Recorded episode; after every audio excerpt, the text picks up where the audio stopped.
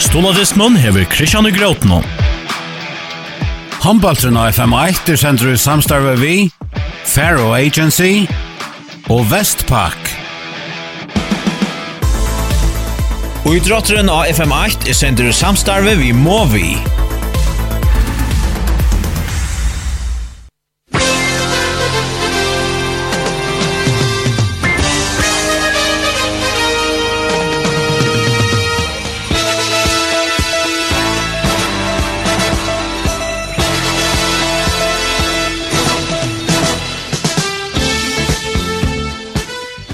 God dagen og velkommen til Beinleis Humboldts fransøkken her av FM1.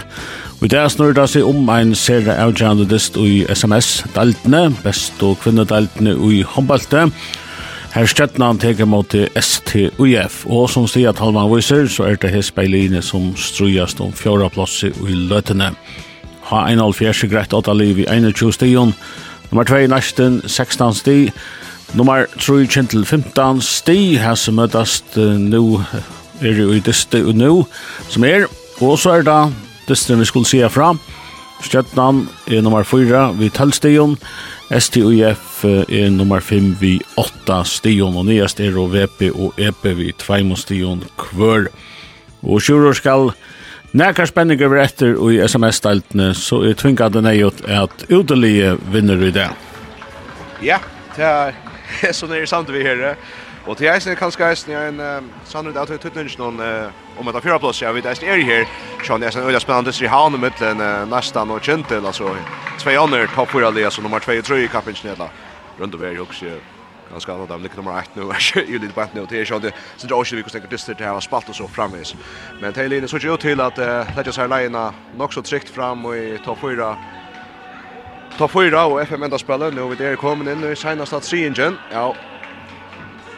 Grundspelen om i SMS-kappingene, og det er just som du sier her, et svinkande nei, jeg tror jeg stod att UF vinna og det. er Hiven har sagt til denne ferien her, og jeg skal si at det er Sjón er det möjliga, men så ska det börja vinna Kvöntes du hör efter i måten nästan och känner ju Heinan Fjärs. Så det blir det sådär ut som en också tro på uppgave. Ehm um, Lin i det. Heier og... Jeg synes det brøyte jeg, om det hørte vi mye det. Så har vi tar vi den støven støvan Tja Estujev som tar Monte. Ja, vi er om av etnas vi at Orda Skeka Heinafjers. Enda så vi har tappa vi verda tvei malen. Det var at uh, Malin og Massa var ikke vi, Mina Henriksen var ikke vi, og Dorda Ljøsten Johansen får ut vi skia til i dysten og spalte jeg synder, men ikke vi fått noen blåse til å være var eisa. Her er atler vi at det. Her er atler vi at det er helt kjøttene. Og tja SGUF tidligst er da fitt og vel manna. Til er sånn under leste av Marius Johansen som uh, tog vi for uh, noen vik siden helsa på han med denne her for Martin etter en dist mot den nästan någon som er större og spennende men koppa i till nästan ganska nära en van prototyp nu.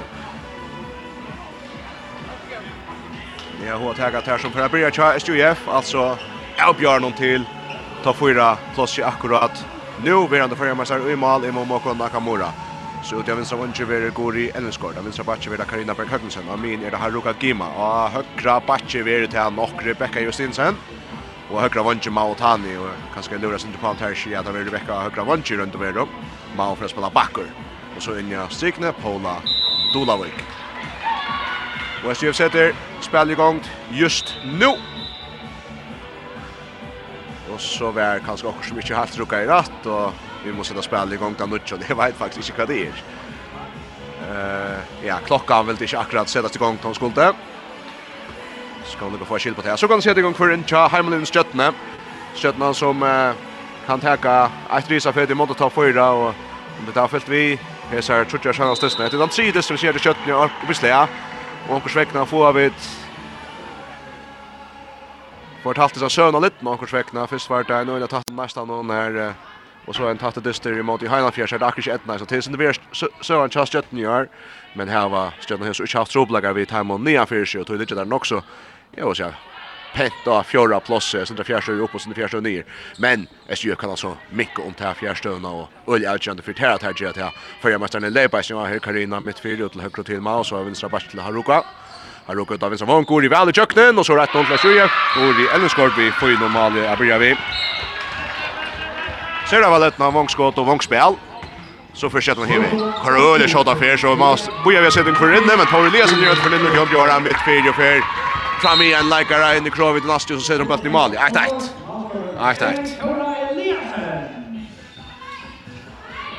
1-1. SJF Atrialope. Eit eit, men det skjøttene SJF, det har spalt i just en minutt. Tor Eliasen og Gori Ellenskort vid kursen Malle. Sen tror jag som jag kanske ska strös om vinstra vånklass i landslin och kanske Tor er mest av så som backar. Nå. Här råkar Gima mitt fyrir ut til vänster til Karino Så fyrir inn etter i vatten efter. Här råkar fra Fedron over ansa Ölet. Ska Mountani fra högra backen missar sin färna ska sätta åter. Här råkar innan stryket det var spalt på för vänster. Hade akkurat för vänster brottskast ja. Och väntar sig bort från Tora, Hugh Fätra, Stryksbank Chelsea UF. Polo Dolavik. Men eh, Snæs har vel fram i verlegaren her. Strigla Garn og så i brottskast har Ruka Gima teker mot Therese Eidsgård i Malmö. Har Ruka Gima høtt vest på Lange som skårer han opp i tryggkanten. Har Ruka Gima. Vi ser den første mal i dag. Varsens leikar jo i SMS-stalten i fjør. Och så stöttar ni alla bjatter. Tore Lesen, Julian Olivko, Amine. och de högra backen Dorda Jojic. Högra vantje Jansi Jakobsen. Torras vänsterback Julia Mia. Av vänstra vantje börjar Johan Sörensen och Inja Stikne Malena Massener. Kom natt alltså inte vi mig ikväll då. Tar Eliasen är bra ut mot högra krossar till Dorda Jojic. Han sig in efter i Sindra Soblakon och om man får spalta en en chans om man vänster korsne men här är Bruxel Arna ska helt estimera. Fröjkast till Stjärnorna Vi har spalt och i halvan 3 minuter 2-1 till SJF. Tor Eliasen strøyer stølja väl här inom Pjore, og fram i en nærmest över och stäcka här efter. Akkurat Arnon kommer jökten. jøkten. Karina og Gori i fjellet og sier i SJF-verne. Stjøtnan i alle bjatter, Tora mitt Dribblar in i mot mine. Förresten mot högre. Så går bättre om han har Gravong. Ja, han var ju så goer och så fixer. Och han ligger och åttalja av Ötlund. Han får fram i Ötlund. SJF för fram att jag upp. Stötna för inte mål. Framvist 2-1 till SJF. Karina för fram att jag täcker alla fyrna av Ötlund. Så börjar där och skifta sin ut. Men det var skjuttar skjutt här bara. Som Paula får lycka att få sig Harsbergs lagt väl. Och S2 för att Jalop. S2 för att Jalop. Mao Tani innan mina till Haruka så har vänstra backen Karina. Karina. Om man ah hon ska nästan fram fram så den spelar och hjälper till fram Jötlund och till inkast till Skötterna. Inkast till Skötterna. sköttarna. 2-1 Lash gör framväst på sköttan Jalop. Då det oj tripplar bulten och missar han och så tacklar han här efter tar den vinnan åter. Och Ja, checkar så sänder vi domaren som säger att det är frukast till eh, SJF som löser stöva går i Elskort ända vi att lofta bollen chat ut så knappt ju dort han åter men ta sig det att tackla av går i så sen det löj ut så kanske det extra stöd där men Angel Rosing men SJF för bollen åter. 2-8 till Ja, så ska bollen torskast. Det skiljer vi alltid att det ser ut som han är hoa av er någon i spöltret på Här råkar gema. Ja, då var hookborn då hoppas på att det är bästa torska så brukar man touchdown den mer och torska till vatten och Harsbäck och allt samman och så kommer spela handboll efter. Vi som skär man ner och jag klarar spela. 2-1 till SGF, SGF i alla bjatter vid att spalt i fyra minuter. Karina kommer in och man in nu. Avis är fel, Weird Lamau, så Karina en annan fel. Dribblar sig fram i Einar, en läggare rönnar steppar ut av vänster och här Bötsen Leiser, Kjötna Färran Tort, ända vid honom och Bötsen Leiser Attor! Det är Kjötna Färran Attor, Kjötna Färran Attor. Tore Eliasson dribblar fram till och skär mot Motorvägen ut i vänster mot Min här Julia Julia har sina plats i World Torre Torre Elias ball Torre för mot och Per brottskast allt igen. Benta mars då men i halvdel är styr för Norr inne innanför här Tore, Torre Lebi Verna. Brottskast till Stjötna. Katrin Bertelsen kommer av att attacka där.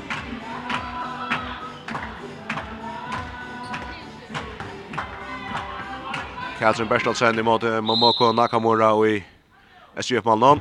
Og han skorar. Håas vid höjra bulten bresta och i är och hondorna Chamal Vernon så för han en korsnäm. 2-2. Katrin Berstadsen vid sin första mål efter brottskast. 2-2 med 17 och SJF 5 minuter kvar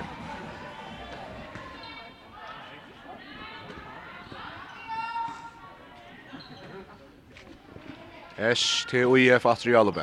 Maotani spelar då vänstra back och så när min här Haruka Gema. Konga sen Sancho där men och så där tempo av korsne Haruka Gema öle gott tempo Mao här. Det är så plats oj. Snäjer sig jukten. Lite Michelin kan skriva in just köttne och Mao han i öle kvickliga för jukten att lite hål där. Tror två till att sjua Mao han i målet. Då det gör ju stöts jukten här. Ja, så är han sent öppen. Det har över helt en öle släpper jukten korsne och så löser skott i målet men här vi brukslappa ett där.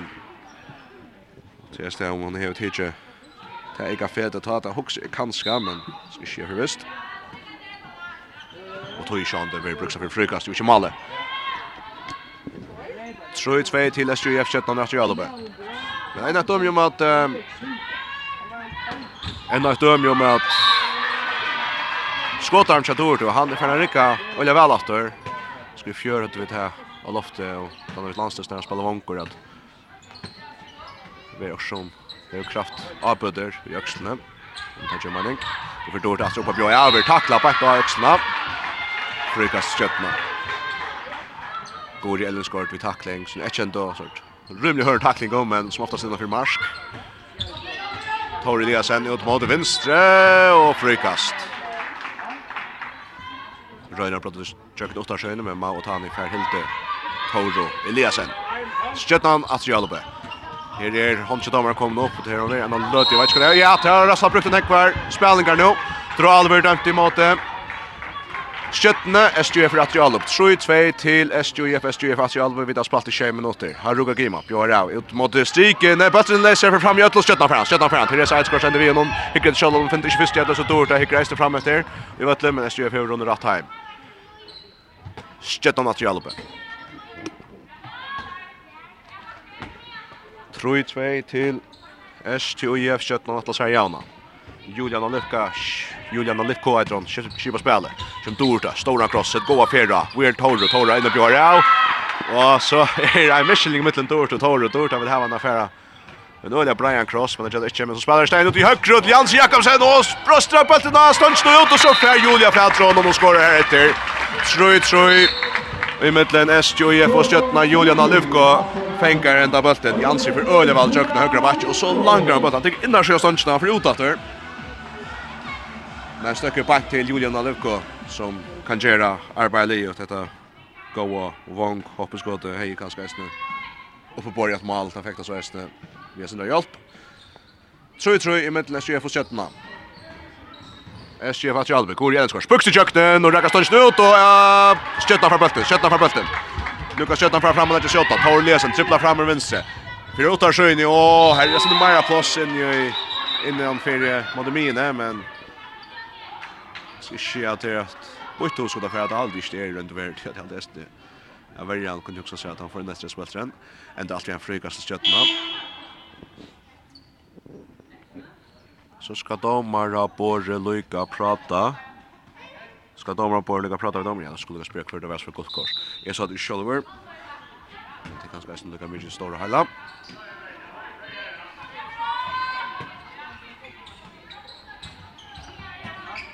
Tar och läser bra åter. Och en annan försök att ta sköna och frikast. Gjorde den gav här mot Mao Tani och efter resten Toro så lukt att hon bjöd ölen gav mot Batchnon och kan föra boa väjer då. Inte bench för färra åtta sköna. Det är det här hava. Vi tror det gör ju inte här så står dyktigt hoppas skott någon och vi stäcker i korsen just som man ska lösa det av. Frukas Jötna nu tjön 3-3 i mittlen 20 för Jötna. Lägger jämta här där finns då Nuccio minuterna. Dora Jojic, tror stratti. Inna Signa, Malene Ferran, Ferran styrt läs. Åh, förläkt i håll. Ströjs och ströjs och ströjs. Vi går i Ellenskort, och så vinner de bara det till Malena. Så detta där på var i Maltajen och brottskast till Stjøttena. Malena Malena Massen vinner brottskast som Katrin Bertelsen för att tagga sig av. Skjuter här, bankt upp i målhållningen. Fyra tröjl Stjøttena, Katrin Bertalsen vid målet.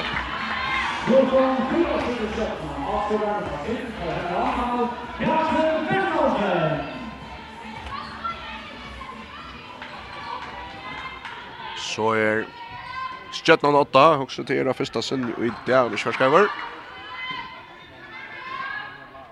Tutsen mot Farner, 4-3 til Stjøtna, SGF Atri Jalbe. SGF har haft sin strilt i Jalbe, nå hiver til Stjøtna kanskje eisne. Nå har Roga Grima, hun er dropp her, og hun dribler sett han inn i kjøkkenen. Finta seg leisa fram i Einar, leiper i kjøkkenen. Julian Alivko, Julia, vi er Vust av Øtle, fyrir til eisne. Har Roga Grima, ja, så er nøyting, og Janar til 4-4, og här att säga att så vill de tackla så mycket att Julian och Nivkovic och Köttner ska ha varit lite fem minuter. Köttner han tänker inte malvärden ut och i hessar minnelåda stövande som är sörsta. Så spelar åtta strikspelare under värre. Jag köper det innanför det. Tar Elias en tripplar så Kjede nok skift tre Malena Chemna strikna nu. Dorda Jojic in och av. Karina. Per i SGF-verne. Frukast till Stjøtna, og så, så skjuter det Malmgren mot Stjøtna. Kjemmer Sonja inn, Sonja Syrdal og Børge, tror jeg. 4-4. I middelen Stjøtna og STOIF Stjøtna nere alle bjer. Dorda Jojic. Uda mot vinstra vang, Tauri, Hugo Plås, og Fær Brodskast offra seg ut av vanchen här i plåster. Becker Stinsen för lite plåster efter här vi vill säga Så stångt dit när Simon åkte till att kommer fyra sort hål. Men då häver hon runden tvärs om allt här igen och tog i brottskast till skötterna. En ett brottskast till skötterna. Ett som jag har brott någon och SGF Jer näck brottskast till så ettnas. Kaiser Persson tänker en annan affär. Skorar 6 Mauer. Skorar 6 Mauer. Katrin Bertelsen med sin trea Maler till trea brottskastet. Fem för Elkötna.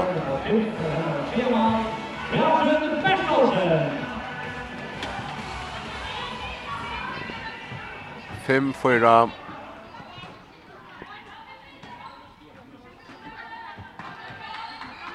Till Kötna, Östergöf i Alubi, Östergöf i Marlo, där Vötlund spänner sig ett välspalt och Paul Erjar och Paula skorar.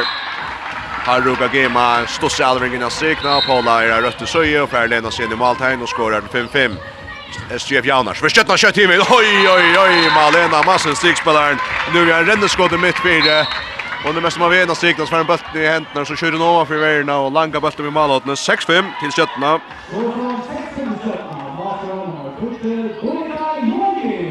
Så det var Malena Massen som skorar in. Annars har jag pura skäft. Och så Bjerga till Resa Eidsgård åter. Så kan Sjötnan fram framåt.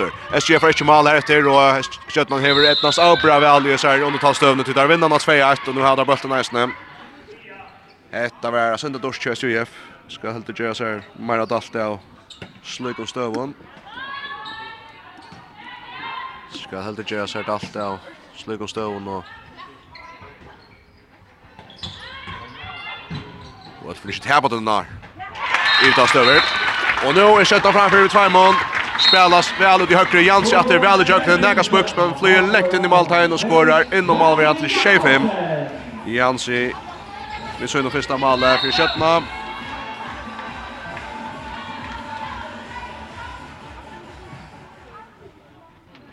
Shefim till Stjøtna. SGF. vi har avisen troblakken her. Här er etnast ganske en 45 og finnes Haruka, og det er vel inna spela i mot verne. Nu är Rebecca Beckar Stensen i högre backer. Så går i Ellenskort är högre vonker. Emil Kassel i svånker. Kommer skift här. Haruka in i mot. där Och skjuter med Orek. Vad hoppas ända som avgör någon. Böttren ända som avgör någon. Tjej fem till köttna, nu kan köttna fram framåt där. Och upp att Mara tar och läser en teget svitt stund, drar in och släpper den stycken. Ända vi avera en fin, väldigt stor tja SJF. Och så är färre en trutje likar, en köttna och en tvär. Styr för om kort. Men som vanta i snö. Då så just ju efter det sen så att välja går ju Paul i mivärna till er. Har så kontant. Men alla oftast innanför marskast. Shit hur jag ser om sig. Utvisningslistan här vi går se. Businesslistan. Då för Stjärnan kör väl om sist hetast öl jag tror att med vångskott ner Johan Sörsen Vi spalla upp i vänster och inte bench att ta chansen här det är vart i hål och flyr i tjökten då 8-5 till Stjärnan. 8-5 till Stjärnan. Johan Sörsen fralikmal av vänstra vånge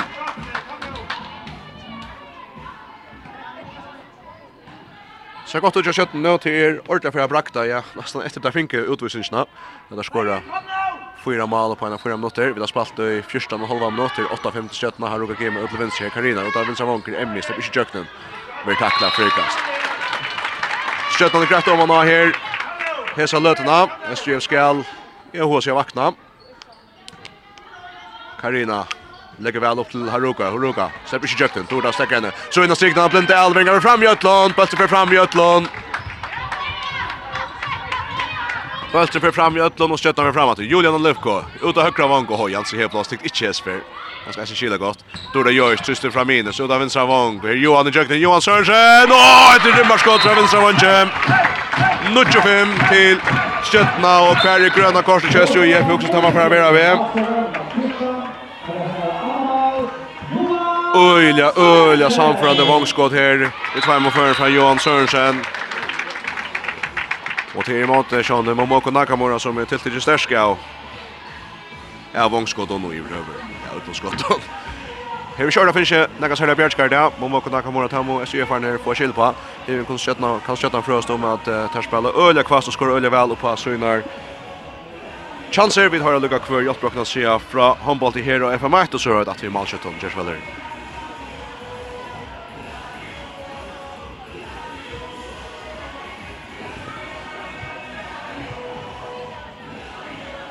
Om vi har vi år igjen, så kan vi bare tega der nå. Jansen Jakobsen 8 mål, Katrin Bertelsen 3 mål, Tora Eliasen 8 mål, Dora Jojic 8 mål, Johan Sørensen 2 mål, Malena Massen 8 mål. Og Juliana Livko 8 mål. Fyrir SUF, tei 5 målene, her er det Haruka Gima vid 2 mål, Her er Paula Berg vid 1 mål, Gori Ellenskort vid 1 mål, og Mau Otani vid 1 mål. Og så også vi høyre kanskje hver Stola Søndersen eller kvart, Kjersvelder. Stola Diskmann hever Kristian Grautno. Håndbaltren av FM1 er sender i samstarve vi, Faro Agency og Vestpak. Og i drotteren av FM8 er sender i samstarve vi Movi. Nuttjo fem til skjøttene som Där chans 5 minuter när hur väl att Tidjum ända när stöst när SGF har haft timeout SGF ma prata om tinchne. Och man så jump till rätta stammen. Karina Berg Berghudsen oj hon måste skotta stämmen välja nu jag går här just just med Julian Lyck och vi upp lotcha. SGF har bult att korsna till er bästa tøynd till till oss lusta. Ja, stranden och skal och här alene. Och nu går Grattas in det stilt igen. Nu så för Guri Jökten och högra vånche men till det side skor Live Richardson mot någon i Male. Bjerging från Skötten, Skötten i alla batter. Julian Lekko öle för det. Torre Lesen Björn och tar sjönes för Jökten och skjuter fram i och ska vara flygas alla där där sen.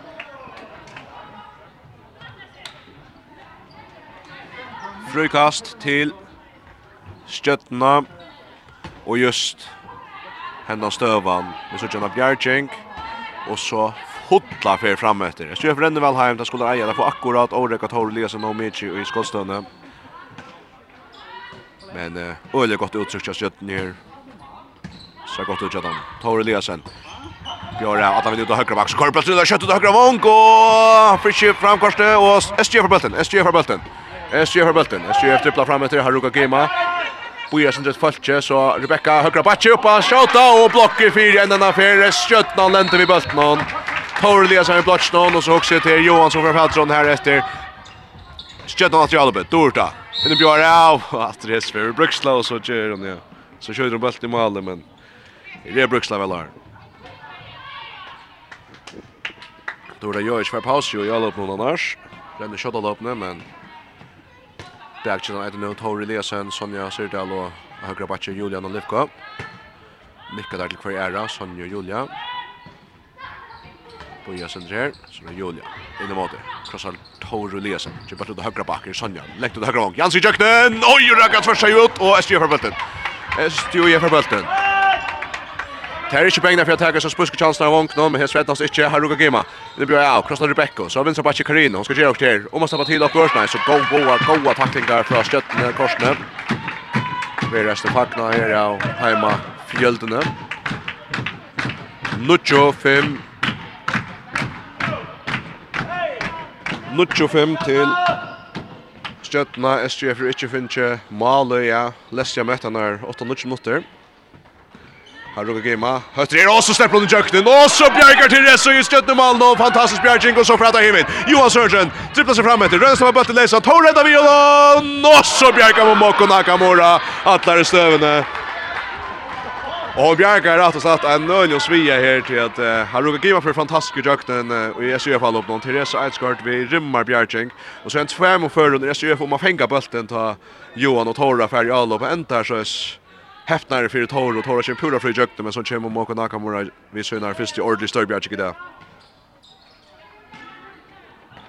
Och det här högst att uh, SUF har törva att det skulle vara flyr i hösten här. Fru och Bjarking någon.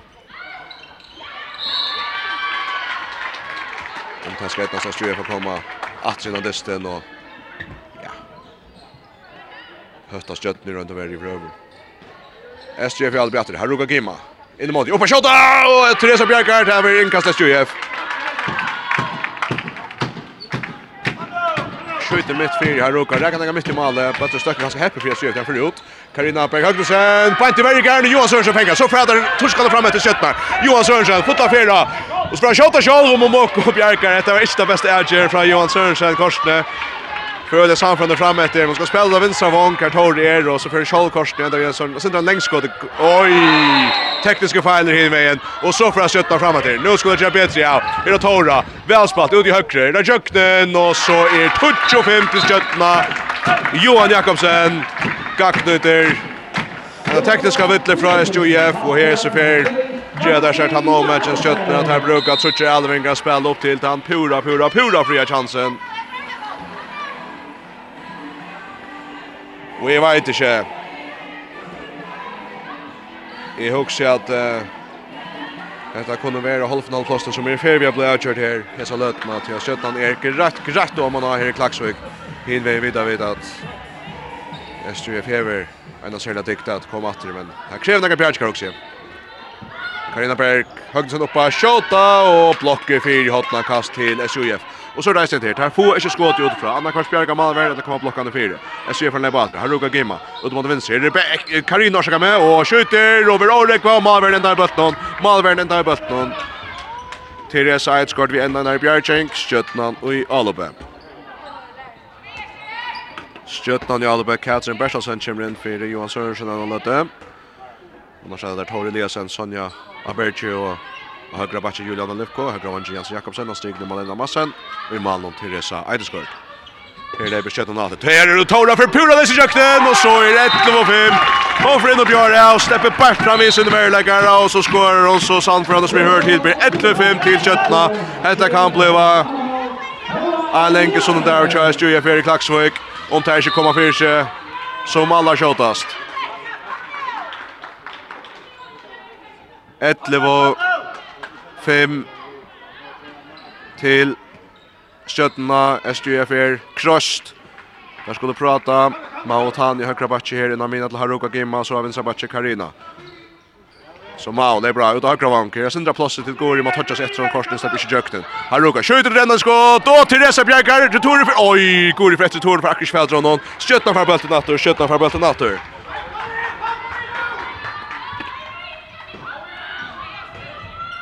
Så frädar fram att köttna. Julian och Olyko. Fintar sig pura läser jökte. In och Björn. Trippla sitta Sansa Petter fram i Verla Och så ett höllfem. Och jag vet inte om jag ska tagga att han var kors och till SJF. Här är stora, stora månader. Alina Bavon. Och nu är stora och allsam större månader. Och stövtalvne. 12-5 till köttna. 12-5 till köttna og det er særlig i verre støv og at skjøttene etnast, og så få der rundt og skjøttene åpne. Er det bildet kjanser pura løttene. Skjøttene, det er skjøttene plass, og etnast nærmest. Så er det heftig VSUF! Sinde bort Ronkon, Karina Berghögnesen vid en ontranskåte, til støkker och i ikke mjøttene kanskje tja Tors då. og så støkker han fram i Mavernon, tja Kötne. Kötna med Karmonen til 12-6, men så tja Kötna på framåt! SJ med Karmon ska säga Kötna för på framåt. og her kommer Karlsson i Jöknen, tar vi brottskast. Brottskast Kötna. Häppnar Sinde vi, vid SJ for visst og så gengar det går halvt, halt på sekund. ikke flere enn touch og så er atter trobeleggar, och i ST och i Og ta ver eist i halvtid en utvisning til Erda Paolo. Kjæres UF.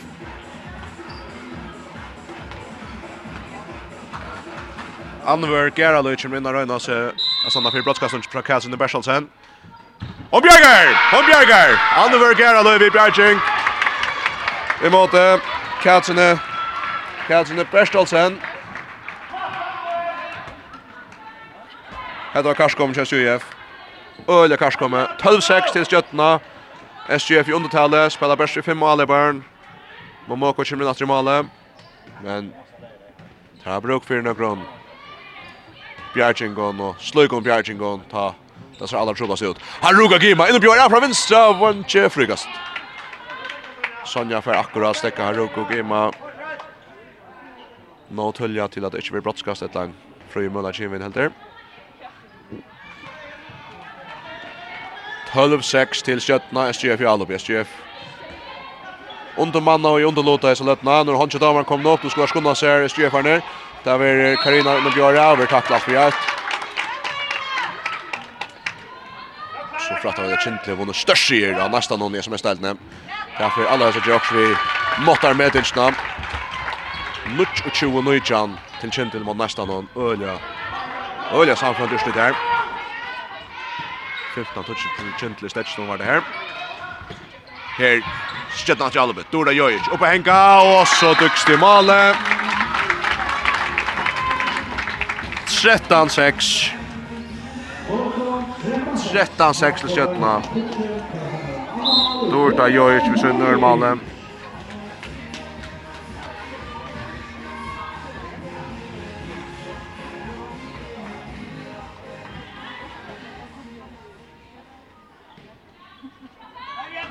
13-6 i kjøttene, og vi tar bare spalt i 24 minutter. Himen, det er mest at SGF hever målagan at komme ned til den lysten, men her skal okkur helt, helt særlig henta. Himen, det er hevan ikke særlig i leikar som har Ruko Gima og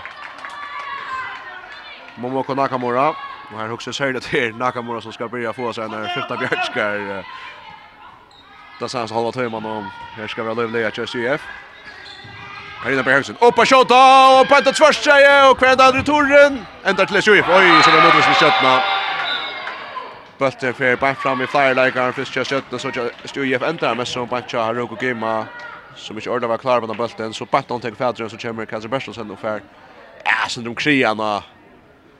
Och Sjö nu vill säga. Ända vi så rätt äggligt ut, nog inte vilja. Och halt det är snäll och gemma att hon lägger här kan han som har blivit näsablåsor så, så är de helt okej. Okay. 13-6 till Stjøtna, SJF er ein flyer av ötlen han løte, og det er godt fyrt her til her skulle komme inn etter en listen nå. Men eh, vi så den seneste i utav støden Kjøttdamon, det er ikke helt gale. Nå er Petri, men Therese Einskår Bjergar, Therese Einskår Bjergar! Det kommer det pura for en Charles SJF, Therese Bjergar, og så fra Stjøtna fram i Kjøllalopp. Tore Lese, legg godt sysda, så er det Sonja. Røyna at krøsta bøttene av strikene, og det dyster flere lager om kott, og enda vi har frukast, og så hever onker Iltja SG UIF.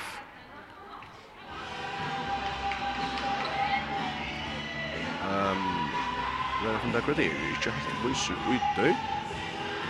Emme kanskje. Hun lenter sin ytla gulvna alltid, hun dett. Det har var kjærløtt, men jeg har altså 13-6 til 13-6 til. Stjøttene av vi da spalt i 25 minutter, 42 sekund, og nå uh, er det styrflegger jeg til Emi Kass, som lenda sin ytla, hun er av via fødratt der, men sin sagt ganske. Utat, utat, sunda, sunda seg. Jeg har tagit marsdagen allega. Her er Jans Jakobsen skor 1, Katrin Bersalsen 3, Tore Eliasen, man hava skorat 3 mål i Svarskauer. Dora Jörg 2, Johan Sørensen 2, Malena Massen 8 og Julian Lipko 1. Så tja, SJF her har vi uh, Paolo uh, Dolavega Dunova 1, Kori Ellen skor 1, Karina Behøgnesen 1, Maotani 1 og Haruka Gima 2. 13-6 til kjøttene. Rebecca Zachariasen kommer inn i høyre vang nå. Fyra SGF. Tre högra vången som SGF Reinert. Här till Rebecca Kristin som är først. Hun ska gå ut och köra finns att fungera. För resten är det för goda för ett olje. Så er vi Kass som fyra värd i ordan her ute. Jag ska lycka med pausen. Tore Eliasen inn mot min i Herjas Kjötne. Så høyre bakker Dorda Jojic. Ut av høyre vanken. Det var spalt og Jans i jökten. Och sen ut och kvar returen. SJ Färran. SJ Färran. Så frädda fram etter. Och gå bäst til Haruka Gimma. Haruka i kjøkkenen. Og så skårer hun sett av tjej. Etter så straks nekk bedre ut. Kjöst Jojef nå. Ja, där finns två Anna Bjarching. Det är helt som før ett skått som fra Stansna. Så ett øyelig samfunnet spalt. Mahotani. sender en gå han bara fram till Haruka Gimma som er... är spärrunden fremst, han er under klokast, og her som andre støttene er, og så er han pura frukt i jøkken. 13 tjej, har Ruka Gima med sin trea male, Mika ner, og i 13 tjej støttene. Støttene er alle bjatter. Støttene er i undertalje og i halva minutt av træt. Tor Elias inn mot mine, her Sonja, for akkurat fædra bøttene.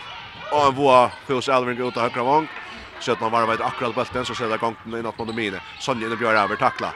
Då där för bättre så Toro så vänster vanker Johan Jöknen om och Moko Bjergar SG på vägen Bjergar och så för SG framåt där kastar mot Tom Malm men det är inte väl ett nät han. Bättre för läck läck läck på hon också det Karina som kastar? Ett harskott. Ja. Kick sig rätt och slatt och det är som är missat någonstans till SG och Det som är här vi har Veknes i UEFA fulla session dra til er at ter stövnar som gjerne skulle etnas betre. Så der stövnar støvnar ter missetnast alt utla til dem sett. At skot mot Tom Malno som ja, ikkje er nær Malno. Så tar det Lea sen att till Dor Jojic och så kommer Bjärtskan fram om Moko. Moko Nakamura från Petra hoppskott från Dor Dor till Jojic. Köttnar kommer på plats åter. Här är 2 minuter 20 sekunder efter Karina för Jöknen. Och det var färdigt Karina. S2 skorar åter. Så är femman Lamone 13-8 till Skötna. SUF är nere fäcknas nu och man tvärs ut störs mättnas och till er. har vi hur att säga just som vi sa att det var nejost. Man må komma Bjerke SUF har center och så kunde där göra sort allt att höj utläggaren Choice SUF har ruggat in med för en ettnast väl nu. Så Karina just efter att hon eh, missat näst så någon skott ja och Eknomalt här så förlorar hon i jöknen mer nu och skorar väl Mikael Monni 13-8. 13-8 till Skötna vid här var en arch farm på restra för hålla Joe vid höra kvar stolar. Distanon. Just väl. Stolar Distanon här Christian Grotno.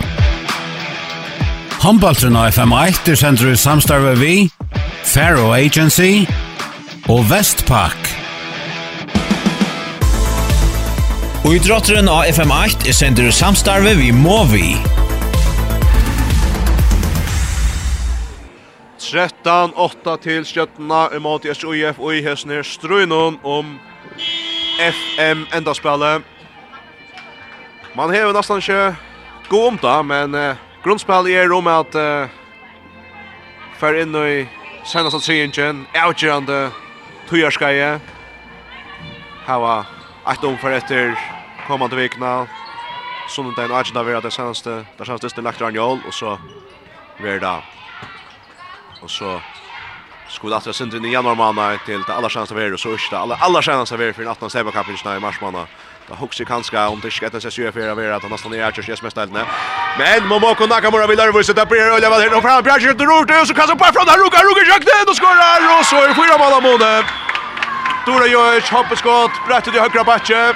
Momoko Nakamura är halt upp i målhotnet för Petra Bulton och så huxar det inte alla det sent bulten alla vägen igen i vänstra hotten hinner med och här är Haruka Gima som hon alltid är färn främst skorar Mikael Monni 13-0. Här Ruka Gima vi ser nog fjärde målet. Nu går spänning grann dess natter. Tor Elias innan mot Mini. Julian Lukko, Tor Jojic. Här tycker skott yes för halvan skärva plats. Så Tor efter Julia. Julia vill crasha till vänster här. Och då vänster av Vank. Johansson blir jöknen. Och lite strär.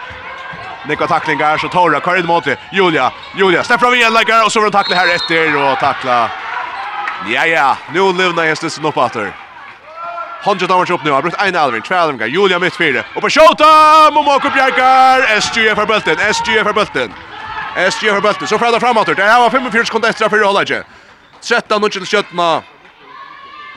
Och det var, ska minnas det var 13-5 alltid, 13-6.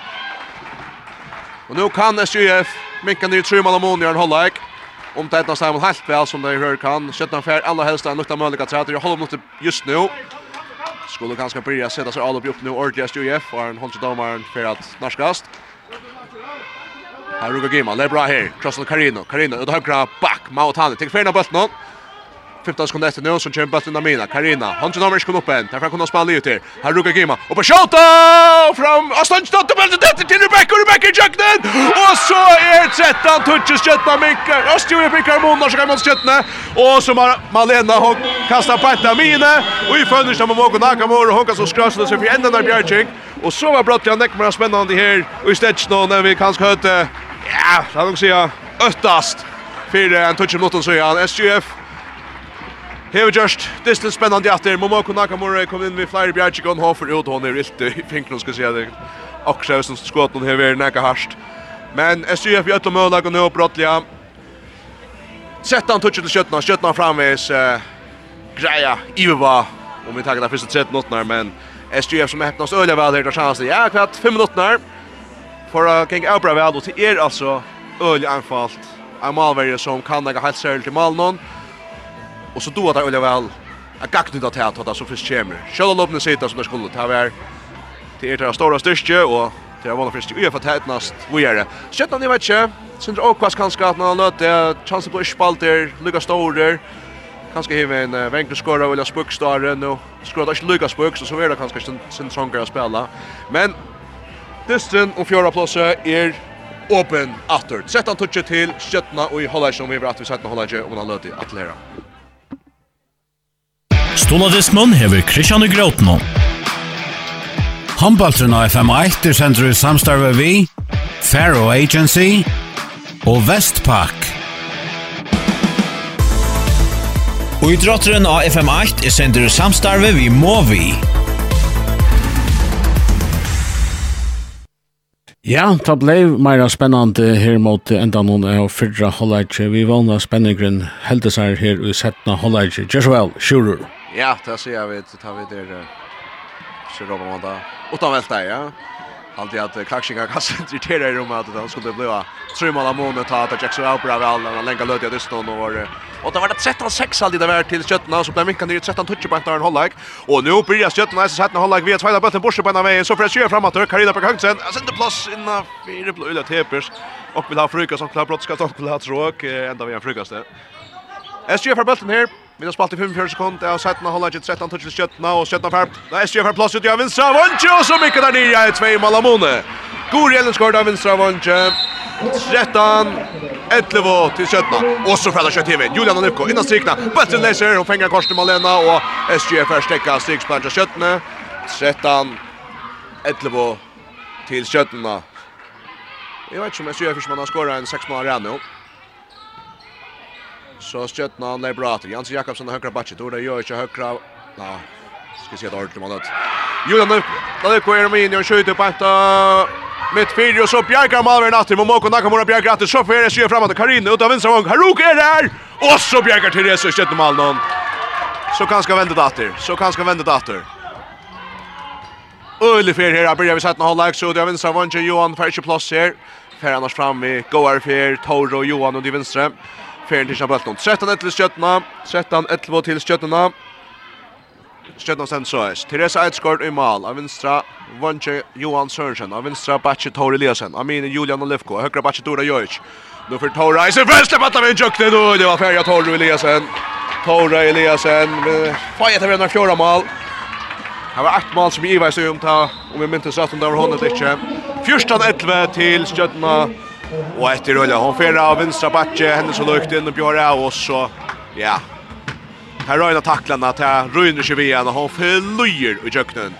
SUF-erna mitt fyra. Fyrstan 11 til Stjötna.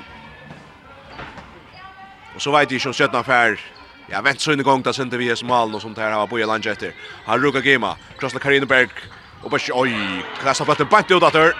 Bøtten för bant ut av søylen, in i inkast Stjötna. SGF tvärde bulten borster. Kötna för fram i alla batter. Dora Jojic in mitt fyra. Julia ut av vänstra back. Tora till Jörg. Nej, så missarna fet och så får han skjuta och löje. Och Momoko ända i bulten. Nakamura ända i bulten någon och så för SGF fram i alla batter. Gori Gori Eliasen. Nå no, med. Tora Eliasen skjuter. Att hon hon är ju hovar jag just som av och så brottliga så slapp och körde från att hoppa skottet så så missade Jonas bulten fram emot mål någon. Lösa ut och så hinner vi det Kori Ellenskor som är hoa på ja men här fick skjuta någon stäcka fyra. SGF har bollen än 14 11 till skjutarna. SGF har bollen. Karina Berg Högnesen spelar in till Haruko Gima Amine. Och bulten läser skjuta färan, skjuta färan. Dora Josh. Vi tacklar och Vettle och vi får en utvisning till SGF för att tackla Och det är Karina som färna. Dora Josh kickar upp först mot ja, ska sig inte mot högre. Det här är öliga frukt men hever egin i måte vinstra vansjen tja seg Så vil han takla just han skal sende Elvinsen halvtje. Det enda vi en utvisning til SGU 4 til. Fjørstan. Fjørstan 11 til Skjøttena. Jeg vet ikke om Skjøttena fikk om endan her kanskje han løtte. After. Beilin skåra kvørsitt mål i sätten holder ikke. Stjärnan i Alopö, stjärnan i Flyer Vettlund.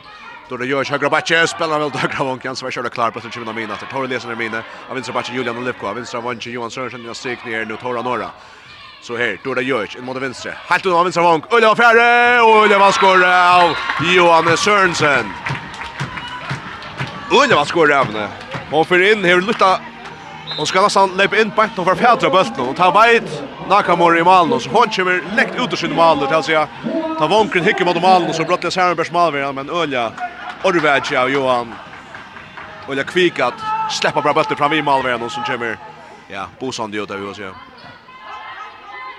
15 etter vil skjøttene, Johan Sørensen i vankmal i atter, til etter sammen vel etter venkner til skjøttene. Kanskje bedre enn vi kanskje vana suttje imot en malver som Måka Nakamura. til ikke gå av vonkner nesten. Nu uh, gonga sind utla chest ju affair. han kjøtt dommeren, kommer upp nu, jeg snälla brukt en alvering, tvär kanske. Mautani, i Iva Søylet, Orvetjen här släpper ikke bulten igen av Vanda mycket stöv men här är frukast Arden. ja, där. Just så øyelig gå stunder her, skulle ta Kjøttan nu halvt hjemme, og skjuter, Patti Vergaren skjuter Kjøttan her bølten, ikke nekker opplagt til Kjøttan som er møllet i første jætlova, så det kanske helst tega där hjemme halvan minut i utallet, så färdar fram. Nu kommer där. Dora Jörs. Öde går fel. Ut av högra vång. Bulten sitter inte perfekt. Jansen förfälter om korsne. Dora Røyne atter. Inna bjør jeg av. Slut sig jøkne, Ha velferie at Dora Jojic og skårer. 16-11 til skjøttene, Dora Jojic. Fajda vinner at tria mal.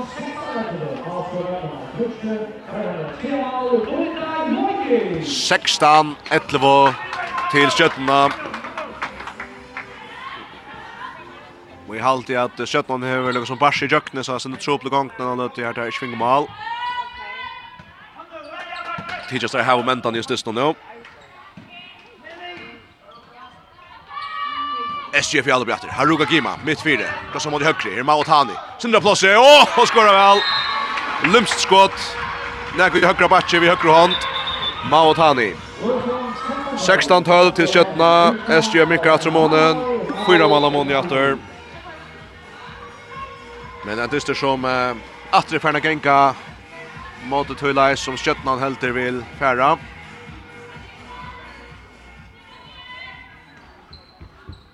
Stjøtnan kjenner seg åtta vi fyra, så... Oi, så Jönnan tekniska feil er... Er er okkur skattst grina hoksje. Tja Stjøjef. Nei, tja Stjøtne, Stjøjef har bølten. Og så fra Mao Tani, spiller bølten for Haruka, Haruka, flyr Jökne, Teresa Einskård i Bjergjeng, Teresa Einskård du Bjergjeng. Ja, ja, det helder fram til Stjøtne her, nå får det her så får Bjergjengen her. Uppe av Ami och Vötle. Vi har en tackling, går i Ellenskård, tacklar Dordi Jojic. Så Jansson Jakobsen, in och Björra. Och hon tråkar sig där, hon tråkar. Gång i kött nu. 16 tals kött nu, SJ tar färna bult nu. Det tar i fyra, det är nästan trubbel för Javino.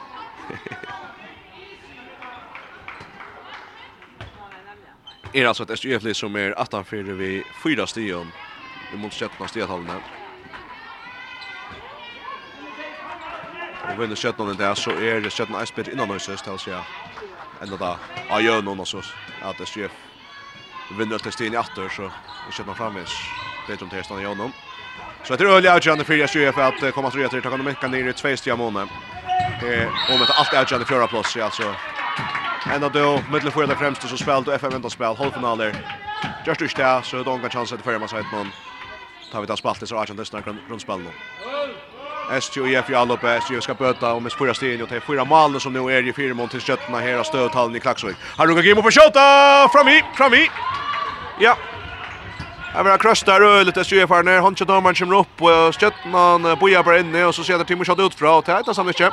Och hinner inte någon Julia go en chans. Momoko Bjarka Schoffer här rukat Kim tuskan fram efter. Sen från Vision lägger och Teresa vi Bjarching och Teresa vi Bjarching Teresa ett skott. Vi risa stora Bjarching att det och det tuttingar mycket Bjarching. Fyra stöttnan.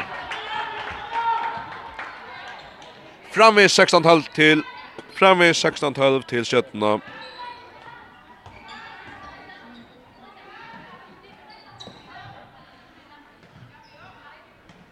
Sextan 12 til Stjøtna, Stjøtna Helder fram her, vi har spalt i 38 minutter STUIF verja vel her fyrir fyrst. Dore gjør ikke på shot, og bænt at først seg Halt i fra en av bølten, Jette Tjeder, kan vi innkast til STUIF Og langa bulten banta i Ledgern og ut og bulten stökker upp i loft, heker i loft og kjolt.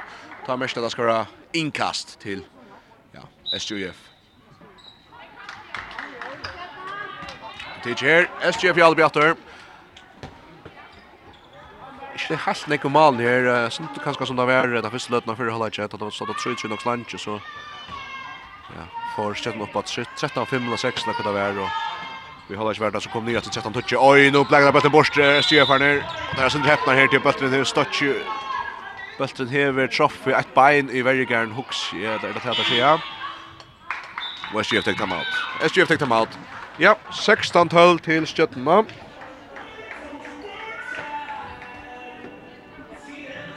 Sextan, 12 til Stjärnorna. Och jeg synes det om fjärra plåse. SG ska prata om tensionen. Ta checka om vel. Det er sen slut med och för holde ikke. Men problemet är att ikke inte så illa. Ja, jag vill säga mittast lödena att eh skjøttene var så länge åtta att jeg fikk bare månaden ner i tre månader måned. så fikk jeg ner i 13 11. Vi begynner å sette noe holde ikke. så har det som man visste men så fick skjøttene momentet åter. Det är 16 12 till Stjøttena vi har spalt i en av 90 minutter. Jeg styrer prater om tingene. Vi har lukket hver stolar. Sending noen tjakken om håndball. Gjør så vel. Stoladismen hever Kristian Grøtno. Håndballtren av FM1 er sender i samstarve vi, Faro Agency og Vestpak. Og idrotteren av FM8 er sender i samstarve vi Movi. Movi. Ja, takk, så er vi datt her i Kav i Høtlene, i Klagsvøk. Dystren om fjorda plåse. Her vi hoa kallat det. Det er ikke helt sørst ukat enn Trøst UIF. Jeg husker der her var en støttfølge av Mølag om det her per det, men derfor jeg krevja Slattborg, nesten til som restar røy også. Og... Og det er for realistisk, det vinner alle, alle dystene som etter er det om förra skulle ha Lövleja og i strunnen om FM i arm. Nu lever där här SG Farner. Jeg har pratet om tinsen med något. Karina Berg Höppen sen med med fyra. Stöttan här skiftar gått Og så finner han finnar nå i lever SGF og Paula skårer. Paula Dolavøk, hvis Dolavik vid sin örmal hade där 16-13 tre mal av mål åter. Stöttan jag åter mine kom inn åter. Så mitt fire til Ottver. Så Julia inn og Innan Bjarre, vi stekker vi først, bøtter karriere mot venstre, Mina Henriksen, og går for en midt fire, finnes Ottver, Amini og Fere, Fere Belten 16-13, 16-13 til Skjøtna. har skiftet den ut. Her skiftet den ut, og det gjør ikke ikke inne, Tore Lesen ikke inne. Mina og Ottver inne. Her er Rana Kua Belten av Signa, SGR 4, og så er pura flytt her Ruko Gima. Kjemmer en som heter Malmö, hva vil det nå? Skårer! Tvei mål av måned. SGR Mikael Tromonen. Haruka Gima. 16-14 til Stjøtna. Stjøtna Jarl Bjatter. Mina, innom Bjøra. Stepper i Jøkken aldri. Brottskast. Innom Bjøra og mot vinstra barsen. Og dette avsynet vinstra barsen innom mot Mahotani. Stepper fram i. Vi er og Nekv. Og så brottskast. Og... Det var Julian Lefko som får attacka. Katrin Berstolsen I know. førja allar allar stærkaste brottskastskytten. Brenti Jani mot Anneberg Geraløy som kommer inn at nå mot Julian Lefko. Julia høtte fyrst. Så røyga Stønstad, og Malmøya nå, Fritjen av Fritjen. Stjøtna brenner atter brottskast. Og alt det skal nesten skrasses for en bjergskred, og kvett, jeg vet ikke, bøltjen, røyga Stønstad, og så røyga faktisk ui, ja, at han så parsen av beinen, og kjører Malmøya nå, bøltjen, Fritjen, korsene. 16-14, Stjøtna, misnøyter, Mølagan, att öka ett brottskast, och så kan SG upp Mikkan nyr ett mål av måne. Karina Berg Högnsen, kommer fjärde mitt fyra, tar teker fjärde av. Så skiljer gott. Här går Gema, hon röjner. Hon stänger sig jöknen och skorar! Vi synar i ett kände fint och fjärde åttar, synar vinstra bärtje, så bärs ett mål av måne. 16-15, ett mål av måne, här går Gema. 16-15 till Kjötna, Kjötna att det kände ganska kross, kröss, lekväl dröjner ut, ja, högra bunches, släpper sig jöknen för fyrst. Släpper sig jöknen för fyrst. Det är framme Jansson till högra bunches, alltid i försvarskajvar. Och vinstra vänster Johan Sörensen som det vet till stöd. Mina Henriksson har min här. Ut till högra backer åtver. Så Mina hon är plats för att lägga och skorar. det var färdig av Mina Henriksson ta hinner backan här trötte. Två värjorna sånt där så får hon Öle samfram i jöknen Mina Henriksson till Seja 15.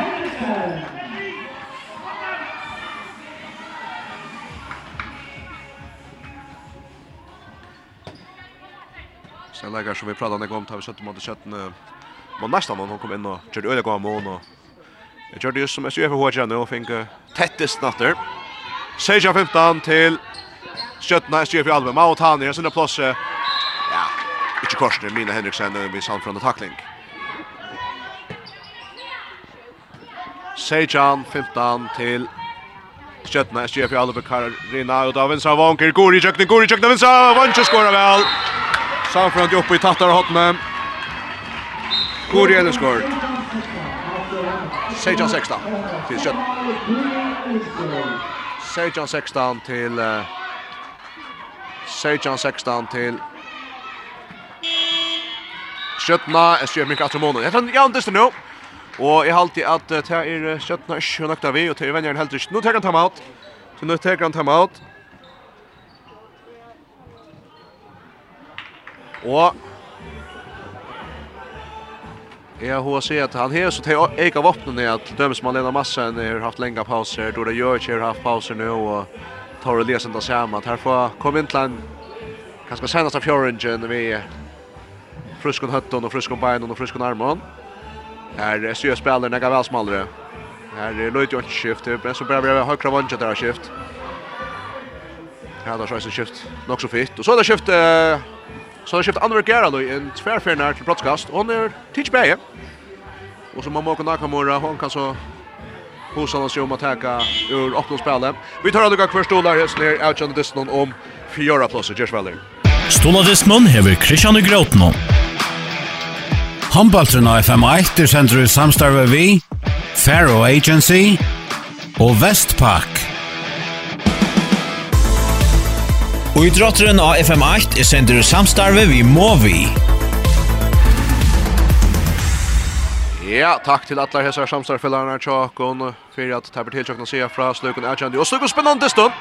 Tore Eliasen leibrar fyrir 17 17 8 Sejan 6 vi vidar spalt i 13 minutter av 17 og holda ikke Teir Boar kom inn etter Tore og Dorta og så Julia er av vinstra batje Malene kom inn av strik næsne Dorta høgra batje Ivas av senter så tar han fra bulten inn i verina og frukast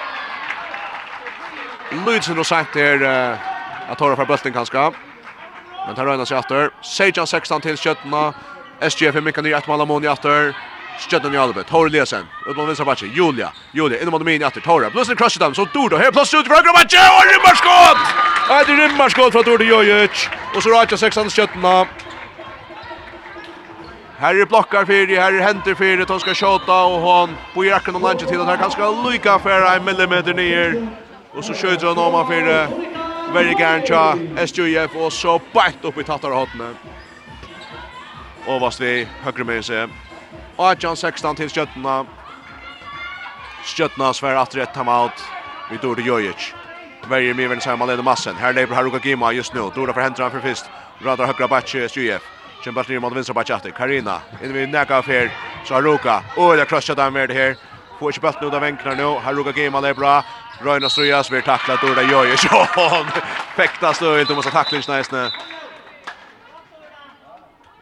Och så ska ta in det stäckas till att bollen här finns också tejp och så då så det ska lycka. Två av. Och John 16 till Sjötna. Hansen damer upp igen nu SGF i Alobet här har skund nu SGF här har Ruka game ut till högra back Mautani som Karina mittfältet ska skjuta här det gärna så hotna kast Verda. Hotna kast Verda men det var inte om där släppa spela men en affär så ska Tvär Alvering efter sig domaren alltid om vi hörde rätt. Han så vet efter har Lukas Fransson Karina för skott efter på till Verika skjuta för han efter. Dora görs för hämta för skottet så för skjuta hem in. Och John 16 till Skjøtna, Tori leser fram etter, Mr. Bøtla sender från att korset så Julie har plats och er tackla just rätt med, sig där. Just rätt med, i frukast skjuta och inte broadcast. Rebecca Zachariasen. Färd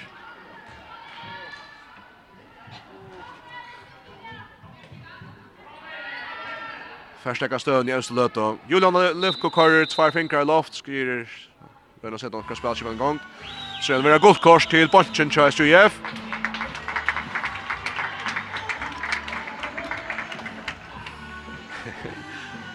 Sen då var sen Vi kommer ner oss. Tills man som en askvare men hade sen sen då domar sen till Paul upp. Men gott kors för han snökte vi att jag vill ha att det ska vara en vittla Han har dribblat också mot Torre Lesen så som löj ut här till honom framåt. Kött att Jalbe tur ta Joje kött mot högre här är Julian Löfko mot högra vank Jansi Jökne skorar väl och högra vank så tror man Ammonia tur. Kött och nudge upp i nudge 16 Jansi Jakobsen.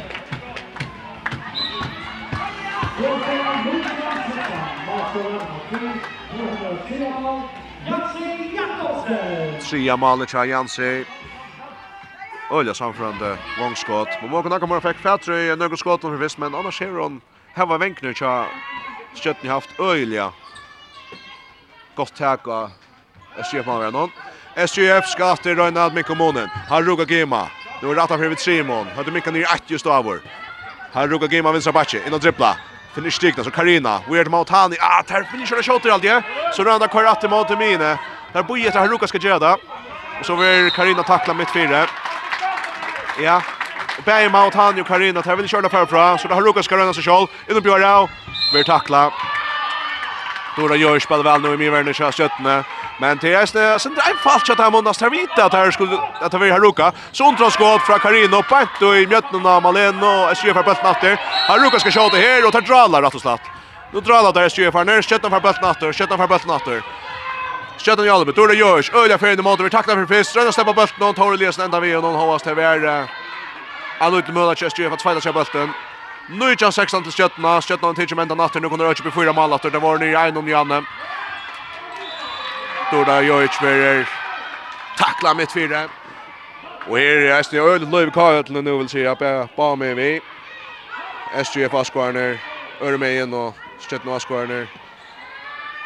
Hesa med, som med. Så gör det. Då det görs det bra och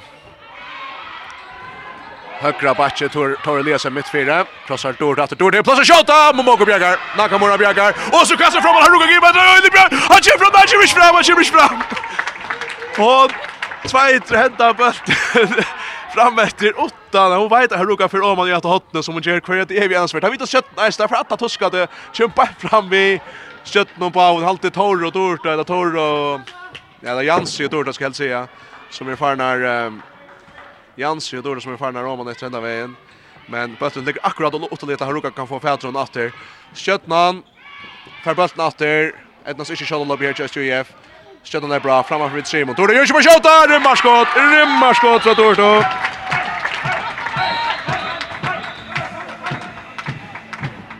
Femta mål så dåligt fight att leverera. Och Norda finns armla sida, oj. Så här går i Ellenskart, finns det som det är nu.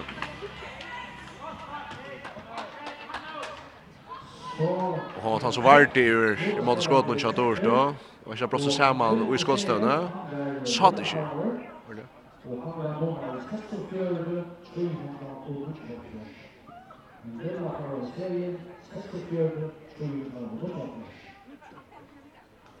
20 16 til skjøttene.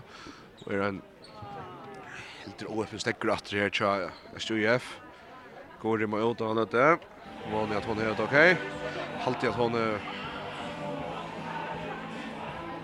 Man ser brester her, hon är sen drillt uh, med sluften och tills de som mest att jag kör då sådana som bara vägen.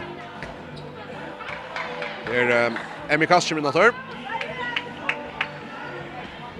Og Och högra er Rebecca Zakariasen og högra backen Mautani, Amin Heruga Gema og vänstra backen Karina Berg Högnesen i strykningen Paula Dolovik, I Malum og Moko Nakamura. Haruga Gema Lebrater. En man min, Karina. Haruka, jag sända plats i aj, så får han tråkar han, så tråkar han. Ett röd är väl värsta Julian och Aluko. Julian och Aluko fär. Stäcka. Långt. Så då tar Eliasen in mitt fyra. Julian Lukko. Åh, väl spalt ut. Ögra åker dort ända men om Nakamura vid Bjerging. Momoko Nakamura vid Sorar Bjerging. SGF är framme i Smölaka. Du kommer fram åter. Atta för fyra. Mautani. Flygande vid och Katt. Fröjkast. Fröjkast.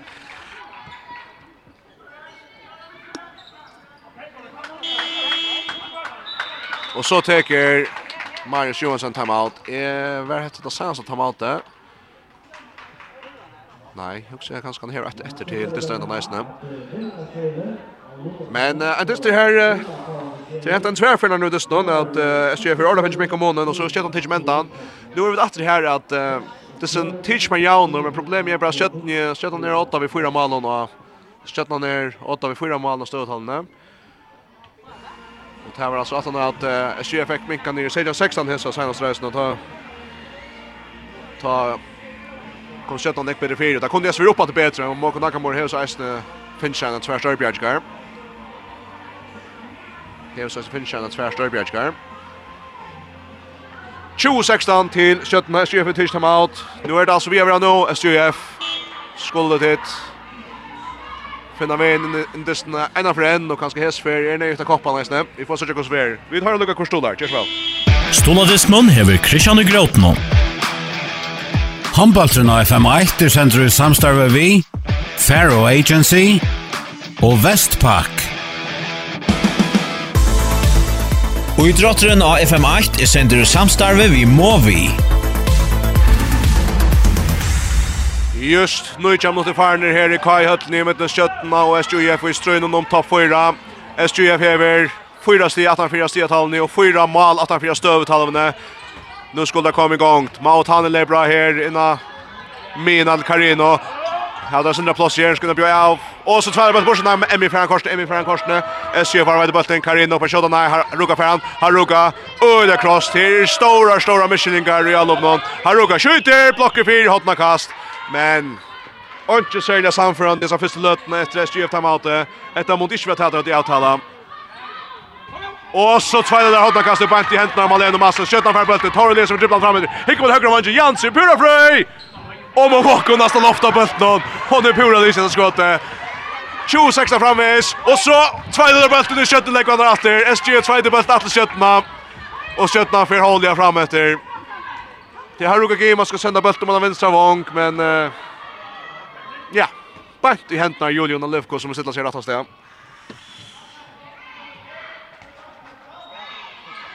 Det blir still. Om du skal vända gångtene. 20-16 til Skjøttena. i Albert, Hore Liasen. Vi fer inn i måte, så Dora Jojic. Inn i måte vinstra batje atter. Her Julia. Julia Bjørra ut av vinstra vank. Johan i kjøkkenen! Momoko Bjergar, SGF er. SGF er han. Stepper ikke kjøttena opp en av veien. Så det har Ruka Gima. Tripplar sin inn i måte. Vi takta for fisk, så Mount Hanen kommer i ærebildskene. Missar där färna av sin alt igjen. Mount Röjner efter. Mount på skjøtta, och for børsten med alle. Og jeg limskått och skårar her Mount Hanen. Men ett nästa efter tre mål av Mone. Det har gått för SJF. Och det är så skött som inte ordla doer nå väl att revsa, men hivet. Tegnas att han manglar till skor på Momoko Nakamura. Men nu får han efter att bjärka två mål pura från skott och Först Shot då från Jens Jakobsen och så vinner som skott från Johan Sörensen. Här bor här annars värre Donald Lea skor i det, men här var en tre mål i parslos. Läste jag mätt.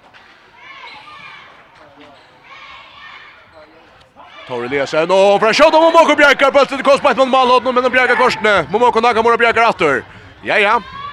Vad ska tala oss om tamat nu vill jag gärna ha till Bjerkar åter skott nu Momoko Nakamura och Jared här så är vi den att det snoppen. Men där släpper skottet upp här. Skottet ränner öliga väl åter. Skottet ränner öliga väl åter. SGF Jalo på SGF att att ta för vid Simon. Här är då 21 minuter kvar och 30 sekunder. Så då antar jag Amin här. Kan ju gå från vänster? Har råkar Gima vill ansa högt och så Karina undrar skott och skjuter för bulten. Där får fyra kvars ena säs undrar skott och tirsdagar som och bulten stöcker på loft och Therese Edskar från fjärde bulten hon. 830 skjuter för bulten åter skjuter 820 Sejan. Skjuter 820 han. Sonja kommer åter till skjutet. Spel Toro Toro Röna dribbla. Bulten sen läser fänga åter frikast. Sonja Sirdal. Aberge. Skipa spelet. Høyre til Julian Alivko, og så vinstra bak til Tore Eliasen. Kjærma skift her, så vi kommer tempo skiftet nu på løte. Julian i måte, så kommer Tore Ølja fyrir mitt fire. Innom Bjørn Auer, Julian Vujra til høyre Vong. Jansen fyrir Ølja var fætter, og nå er rymmer skott! Hett Ølja vel fyrir Jansen Jakobsen. Bøtten ligger ikke så vel til han, og hun har touchat seg ut etter bøtten. At Romse, utan han missa fyren, og så flyr hun jøkken høyre av Vong. Tar et Ølja godt skott, 21 Seidjan. Til skjøttena Jansi Jakobsen vid Tensmi Fajer, han har fjora mal aldri. Halt jag så spikar han samtidigt med United. Ein Josejan til Gå Går shame mot etter. En annan affär. Jag ser för trubbla gång. Perfekt. Att det har haft möjligheten här så ett annat kvars akkurat i sjätten av att kompa jämt ettla. Jag gack nu då sina möjligheter. Karina Berghagen, han vinsar backe innan miner. Här rukar Gima. Här rukar tripplar. Ölje går väl. Ja, tar vi tråka istället så där. Skjuter för bollen åter. Tar vi dem tråka mot SJF. Tråka mot SJF. Skjuter för framåt. Nu kommer Ölje på 5. Gjetar til, så vet jeg ikke om vi tar noen spennende etter her. Men det er brottskast. Tor Eliasen, det bra fra vinstra batje. Kjemmer til, og så minner man fri en chans. Brenner mot Momoko, Momoko Bjarkar. Men her er brottskast Arlen. SGF er alls, alls ikke samtidig.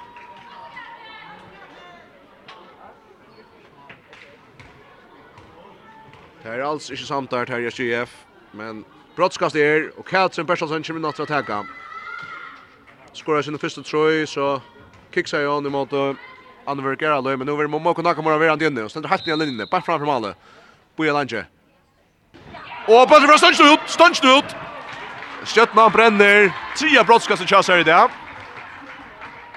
Fyra mål om månen framme, så det kostar Eisen en utvisning till SJF när Stövan tar en brottskast. Jag vet inte om jag fick sagt det här, men det är Sean Ilt som är värre att ta. Här är fyra mål om månen till Stötterna, och här är det färre, ja, här är det runt och värre på 16 mot rätter. Och Stötterna är undertalj och i eh, halva annan mot att säga, halva annan mot att säga. SJF i Alpe. Mina, här ruggar Gimmer, ut till högra. Går i Ellenskort. Ivast Öle så får upp hänga så finner man att han inte högra backen så ser spel gång till Amine. Rönn på bollen signa sköttan kommer i mitten. Så får det fram att sköttnar. Paul Eliasen. bollen läser och från att korsne ja och så en trippel allt. Jag håller det där. Och förde bollen fram efter så är han är var gloppen i Honton.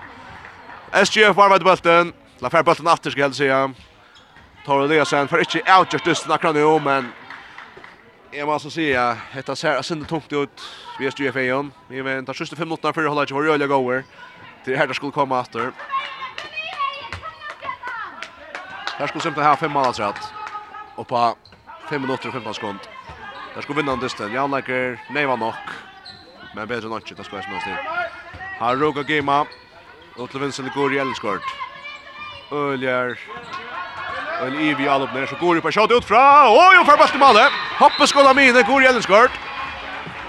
Minkar om honom ner tre mål. En och Achan. Stöttan för stora fram etter. Julian og Och Ut Gravon. Oj, på till Laser, på till Laser. SG for bästa natter. Tre mål amon, SG for bästa någon 5 minuter efter. Färjan till 4 minuter 45 sekund.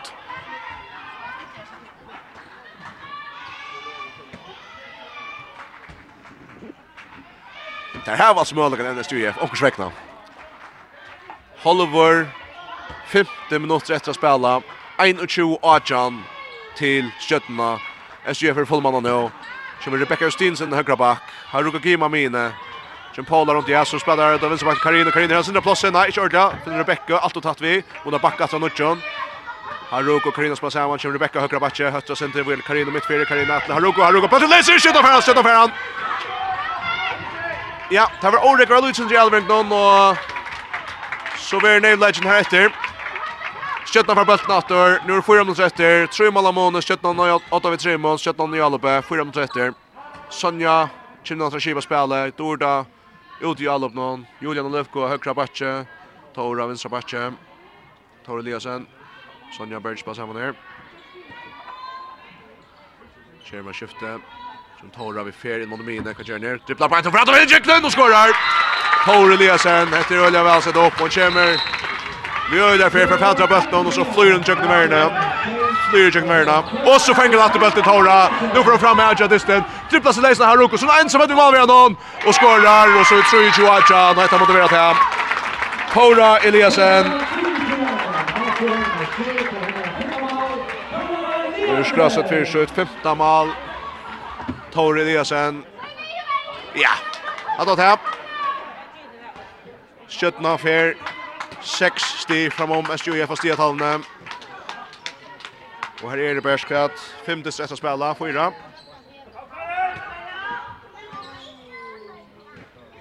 Her råkar Gimal er bra her. Ut mot høyre. Rebecca Stins. Oppe henga! Og råkar Stønsnut. Stønsnut. Mølet har vært en bjergjeng. Han skal Teresa Stefai i bølten. Men 23 at han framvis till sköttna. Hollywood 3 mot etter. SJF. Etna Seldre Kjær. Skjøtnan. Fyrir eisne. Jeg er rundt vera få så i fyrsta sier og FM8 gjør. Sinte så gjerne vi da sagt fra den skjøtnan sikre. Sagt fra noen jaunlagn i fjør minnes. Jeg vet ikke om fikk nega sier vi. Halt ikke. Helt kjørn det. Vi visst. Her er da skjøtnan atter og jalobet. Hår Eliasen. Han vinst rabatje. Og fyrir atlan i sjolv! Og ja. Vi tacklar just där och Jeremy Jökten frukast. Tor Eliasen. Där får stäckarna. Hon är och stäbra kant nu. Men uh, ja, det är gamla. Du fick det så gamla akkurat stäckarna. Det ska ske. Och då får SJF faktiskt under mansfärjarna. Då det görs med blir alltså så till högren Julio. Julian Olivko. Vägers mål. Och så har han förgift i anledning. Eh, ta en player Jökten ner. Det blir Amine så är ute efter i vinstre, och sväckna släpper den jöknen åtta sin i vinstre, och loppa bulten där Sansa Petty på Malvejan. Så finns ilt. Jag vet inte om det var Arno hon stötte sin samma målvägen så ska det här. Han skorar. Vi håller etter en väldigt kanskje ganska lucka för just andre andra tjänar tar runt i säcken. Där är ikke rausa, og vet helst skulle det här. Men 4-2 av John Julian Alivko, SJF Tigist Jeg kunne gjøre dreier til at FM Let FM enda spela långt nu. Ta FM enda spela börjar först ja. Kan vara april aprilmanna, sista marsmanna. månad. SGF Jalbe förra mästaren är få dåliga trubbel vi att just Galland igen enda spel nu. Karina Berg säger hon för väl Jökner, Öle väl Jökner, blir Jökner åtta sjön och stöj spelta sans på ett i malle. mål. För Sjönöjan till Sjötna, SGF Mikael Ramonen, Jans Jakobsen med Gustav Ötle för tacklingen av Karin och Esnam. Heineberg Høgnesen pintar sentrum Ørsted til 4-20.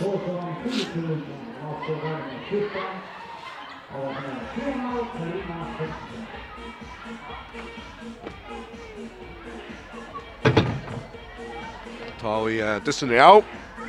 Så får jeg att at Gjørs under kjøttet av den og fenka ner av vi ut i skifterrummet om du ikke leker du. Så at uh, ska börja för for langt etter måned. Og vi tyvärr samma omtåg kanske så att han har just samröver så att det måste men att för kommer vi ta samma om på den vägen och de anklar I'm not sure touches kon shot now where bättre fra att vi tar spalt i en här touch minuter. Jag ser på det väl.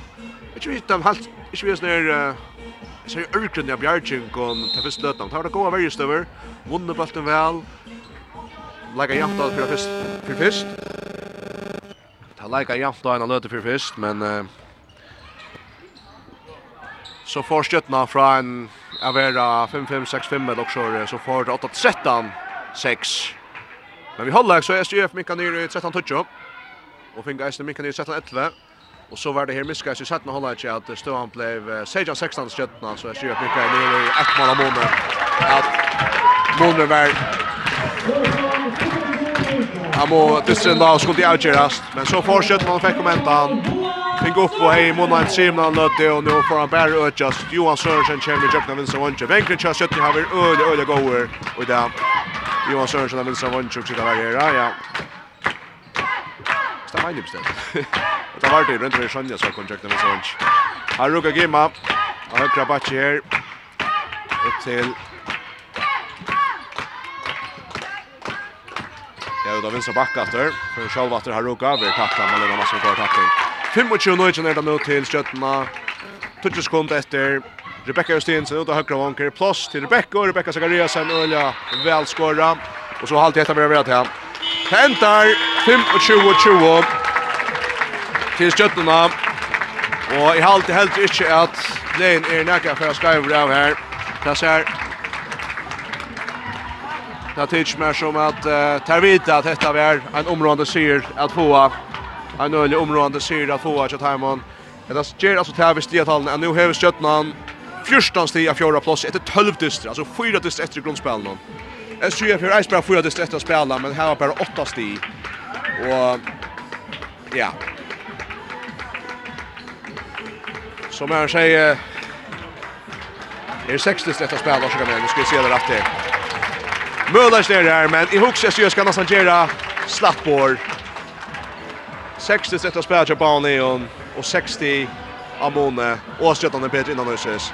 Det kan sjön nästan hända att, att du hämtar nästan ett lock shower, ja, men i visst. Oj, kusse. I visst är kusse realistiskt akkurat man ska sätta sig här till vannar så som gången här över. Här är en SUF hej framur vägurst och väl ettna var i fjör och där skulle så vånat här få åter till att fjärde platset här är fjärde asinte poster. Stjøtnan etnast vi at uh, spela seg Øyla nærmere et FM enda spela langt nå. Vi tar vi fer inn i den aller seneste tringen Ja, vi fer inn i den seneste tringen av kappingsene.